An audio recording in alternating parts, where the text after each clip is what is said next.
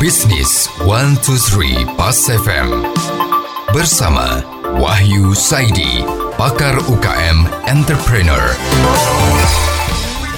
Mitra bisnis kembali dalam bisnis 123. Kali ini email dari Bapak Intarto di Tebet kami terima. Pak Intarto sudah dua tahun ini merintis usaha webinar, penyediaan sarana meeting dan pelatihan online. Usaha ini sudah berjalan normal dengan investasi peralatan yang cukup mahal. Di tengah aturan stay at home, usaha ini laris dan masih banyak pelanggan yang belum terlayani. Masalahnya adalah investasinya tidak kecil, SDM terbatas, serta ada kecemasan tertular COVID karena studio menjadi ramai dan mobilitas tinggi. Baik, Pak Intarto, berikut Dr. Wahyu Saidi MSC, pakar UKM Entrepreneur. Pak Intarto, anda adalah orang yang sangat beruntung. Anda berdiri di persimpangan yang tepat pada saat pembeli berdatangan dengan banyak. Selamat untuk bisnis Anda yang menyediakan sarana meeting dan pelatihan online. Hampir lebih dari 50% saat ini pelatihan terhenti termasuk kuliah dan sekolah. Nah, Bapak, sekarang saatnya untuk panen. Tetapi seperti kata Bapak, ada saatnya panen, maka prasarana peralatan yang terbatas, kemudian SDM yang juga tidak bisa cepat disiapkan. Beberapa hal untuk me mensiasati itu. Pertama, hitung kapasitas peralatan yang ada, optimumkan pemakaiannya dengan harga yang bagus. Optimumkan artinya apa? Kepada mereka yang membutuhkan jangka panjang, buat kontrak jangka panjang dengan jelas bila perlu dengan penjab pembayaran di depan. Kemudian untuk yang seperti ini, lihat lembaganya, lihat kebutuhannya, lihat servis dari kita.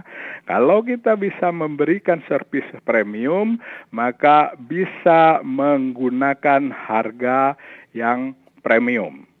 Untuk harga ini tetap rasional, jangan sampai calon pelanggan besar kemudian menghilang. Lalu dari DP yang ada atau perkiraan pendapatan yang akan didapat, maka Pak Intarto bisa membeli peralatan baru. Kalau itu cukup, kalaupun itu tidak cukup, maka Pak Intarto bisa juga memberi beberapa set peralatan dengan pola kerjasama, investasi, atau kerjasama yang lain. Sederhananya, ada satu lembaga minta disediakan sarananya oleh Pak Intarto, kemudian dia e, membutuhkan jangka panjang dan bersedia membayar, maka bayarannya bisa dihitung sebagai cicilan dari barang yang akan dibeli. Atau bisa juga justru mereka ini kemudian diajak siapa tahu kapasitas berlebih dari peralatan bisa dijual dengan jualannya kita bagi hasil.